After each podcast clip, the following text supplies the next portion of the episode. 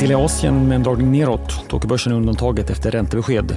Wall Street lyfte igår av big tech. Stockholmsbörsen ser ut att få en ganska så lugn öppning något uppåt senare idag. Det är tisdag den 19 december. Du lyssnar på det i Morgonkoll och jag heter Alexander Klar. Ja, det mesta är sviktande börser i Asien, ganska små rörelser i Kina. Hongkongbörsen tappar över en halv procent där flera fastighetsaktier fortsätter att gå svagt efter att ytterligare ett fastighetsbolag igår flaggade för att man inte kan betala räntan på sina obligationer.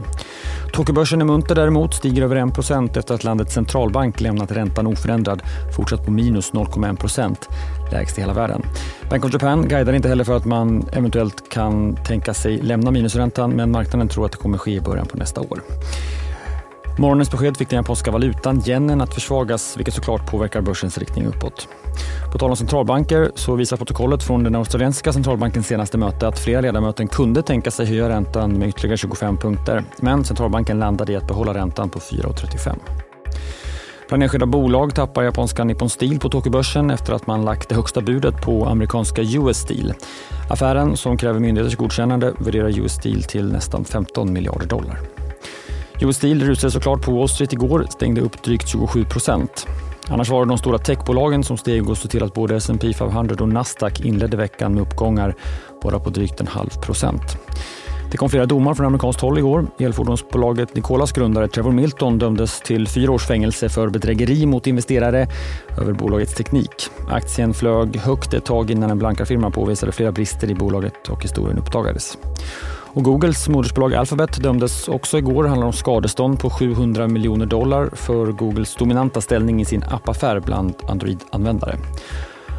Och även kemibolaget Monsanto dömdes att betala skadestånd till flera personer som blivit sjuka efter att ha utsatts för PBC-ämnen som domstolen fastslog berodde på bolagets produkter. På råvarumarknaden stabiliserades oljepriset något igår. Den amerikanska försvarsministern sa att man kommer sätta in militär för att skydda kommersiella fartyg i Röda havet efter den senaste tidens attacker där flera stora rederier, däribland danska Maersk, valt att inte köra sina fraktfartyg genom Suezkanalen längre. Sverige så. Först om skidturistbolaget Skistar som precis släppt siffror. Både omsättning och bokningsläge förbättrades i kvartalet.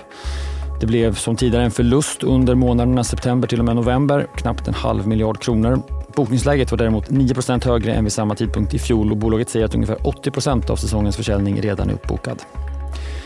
Den svenska aktivistfonden Cevian, som leds av Christer Gardell har tagit en position i schweiziska banken UBS som tidigare i år tog över kraschade banken Credit Suisse. Redan då började Cevian köpa in sig, skriver Financial Times.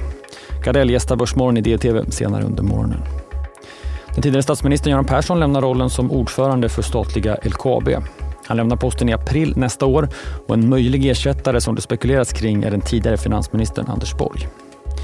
Det pressade kundlojalitetsbolaget Awardit som tvingats till flera vinstvarningar under året har nu en nedskrivning på 260 miljoner kronor efter att man upptäckt att ett dotterbolag begått eh, citat, flera allvarliga felaktigheter, slutcitat, bland annat rörande fakturor och redovisningen mellan åren 2021 och 2023.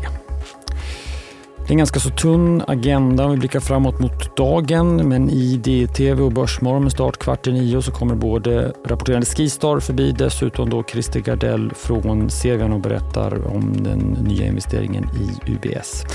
Hinner man inte titta på programmet på sajten så kan man också lyssna på det som podd. Vi släpper det senare under förmiddagen.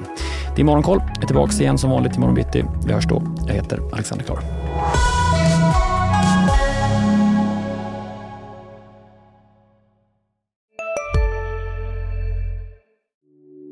Hej, Ulf Kristersson här. På många sätt är det en mörk tid vi lever i. Men nu tar vi ett stort steg för att göra Sverige till en tryggare och säkrare plats. Sverige är nu medlem i Nato. En för alla, alla för en. Där det finns ett samhälle, där finns det brott. Krimrummet är podden som tar brottsligheten på allvar. Jag bjuder in landets ledande experter och tar upp aktuella rättegångsfall för att begripliggöra den kriminalitet som kryper allt närmare. Du, alltså, du kan knäcka ett eller några gäng, men det kommer komma nya och så kan vi knäcka dem sen. Men att du ska knäcka allt forever, det kommer aldrig ske. Det är infinite gain. Lyssna på Krimrummet, en podd från Expressen med mig Kim Malmgren.